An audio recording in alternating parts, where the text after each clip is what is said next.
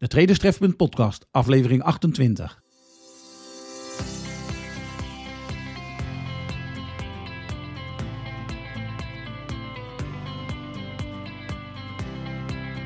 Je luistert naar de Traders Trefpunt podcast. De podcast voor traders en actieve beleggers. Hier is uw host Marcel van Vliet. Hey, hallo. Je luistert naar aflevering 28 van de Traderstrefpunt podcast. In deze aflevering bespreek ik de short squeeze, wat het precies is en hoe je erop kunt handelen. Het idee voor dit onderwerp komt vanuit de Traderstrefpunt community nadat ik er een keer in het dagboek van een trader met opgestroopte mouwen over heb gesproken. Mijn dagboek met mijn trainingsactiviteiten post ik overigens iedere dag in de speciale Facebookgroep voor de leden van de harde kern van Traders Trefpunt. Na de vorige aflevering werd mij ook weer eens gevraagd waar Reo nu exact ligt. Je weet wel, van waaruit ik je na elke aflevering de groeten doe. Nou, voor de laatste keer dan. Reo staat voor niets anders dan Rotterdam en omstreken. Dus dat misverstand is dan bij deze ook weer uit de wereld. Maar voordat we verder gaan, nog eerst even de mededeling van de sponsor van deze show. Ook deze aflevering van de Traders Trefpunt podcast wordt weer mede mogelijk gemaakt door ProRealTime, technische analyse en trading software. Klik op de afbeelding van ProRealTime in de show notes of op de homepage van de Traders Trefpunt website voor meer informatie of om je aan te melden. De Traders Trefpunt podcast met Marcel van Vliet. Laten we beginnen met uit te leggen wat een short squeeze nu eigenlijk is.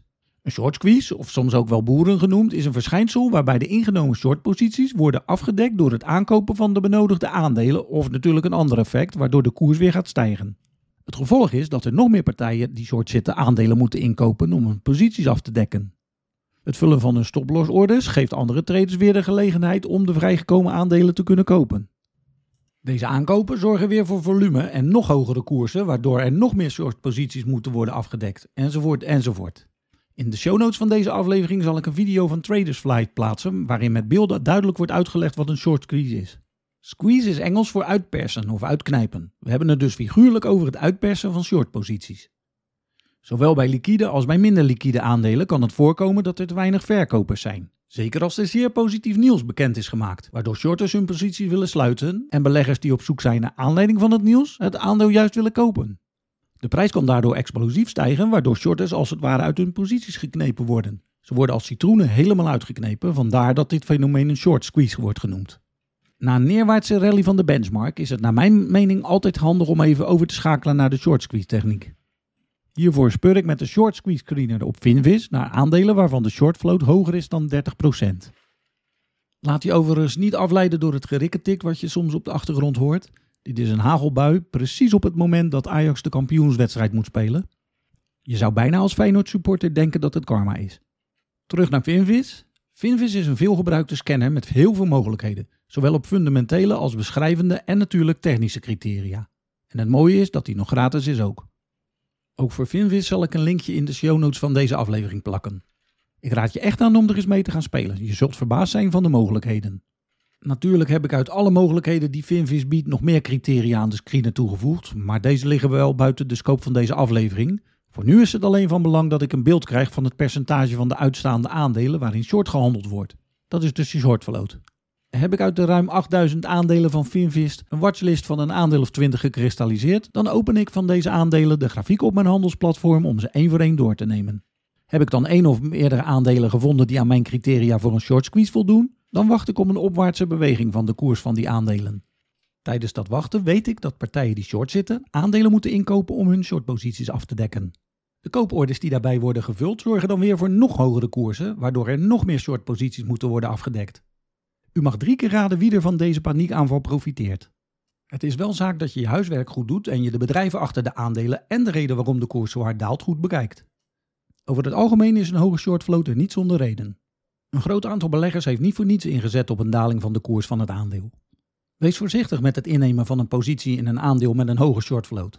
Bestudeer op zijn minst het bedrijf zelf en evalueer de redenen waarom sommigen ervoor kiezen om er tegen te treden. Ik wil deze aflevering afsluiten met de grootste short squeeze die ik tot nu toe heb meegemaakt. Het was in 2008 met het aandeel Volkswagen. Toenmalige concurrent Porsche nam eind 2005 heel sneaky een eerste belang in Volkswagen en had in 2008 met 35% van de aandelen al de feitelijke zeggenschap over het bedrijf. De strijd die daarna tussen Porsche en Volkswagen ontstond ging met name over de medezeggenschapsrechten van Porsche. Vanwege de overnameplannen van Porsche en door speculatie was de koers toen intussen al flink opgelopen. Veel hedgefondsen hadden toen ook al soort posities in Volkswagen ingenomen, omdat de auto-industrie het toen echt niet goed deed en de markt ook nog eens negatief gestemd was over de toekomst van Volkswagen.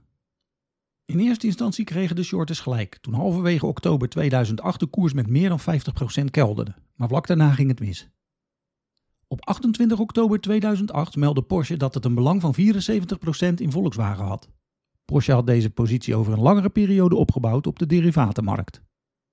In paniek wilden de shorters zo snel mogelijk van hun aandelen af en besloten direct te verkopen. Na deze short squeeze volgden er twee dagen van enorme koersstijgingen. Het aandeel schoot vanaf de bodem rond de 200 euro tot boven de 1000 euro. De koers vervijfvoudigde dus maar liefst in twee dagen tijd. Op het hoogtepunt van de short squeeze was Volkswagen het meest waardevolle bedrijf ter wereld. In 2012 zijn uiteindelijk de twee autofabrikanten gefuseerd. Na de short squeeze klaagden enkele grote hedgefunds Porsche aan voor het verhullen van zijn investering in Volkswagen. Dit heeft ertoe geleid dat er in 2012 er nieuwe regels van kracht werden voor het melden van shortposities in beursgenoteerde bedrijven. De meldingen bij de AFM worden openbaar gemaakt via het register shortselling. Ook in de VS is een shortselling register beschikbaar. De Traderstrefpunt podcast met Marcel van Vliet. Dit was het wel zo'n beetje wat ik te melden had over de short squeeze. Ik hoop dat ik niet te veel tijd van je heb afgesnoept door het zo kort en bondig mogelijk te maken. Is er nog iets niet duidelijk? Dan heb ik mijn werk niet goed gedaan en kun je mij gewoon om nadere uitleg vragen via info.tredestref.nl.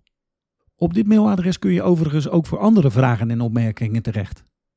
Surf ook nu weer naar traderstref.nl voor de show notes van deze aflevering en meld je dan gelijk aan voor de maandelijkse nieuwsbrief van Traderstref.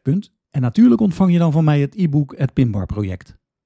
Vergeet niet deze podcast te downloaden of te volgen via je favoriete mediaspeler. En als je mij een plezier wil doen, like dan ook de social media van Traders Trefpunt. Pro weer bedankt voor het mogelijk maken van deze show. Dit was het weer voor nu. De groet uit Rotterdam en graag tot een volgende keer.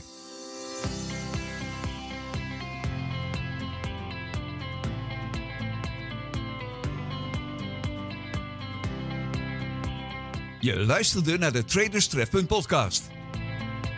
Kijk wat Traders Trefpunt voor jouw reis naar succes op de financiële markten kan betekenen op traderstrefpunt.nl.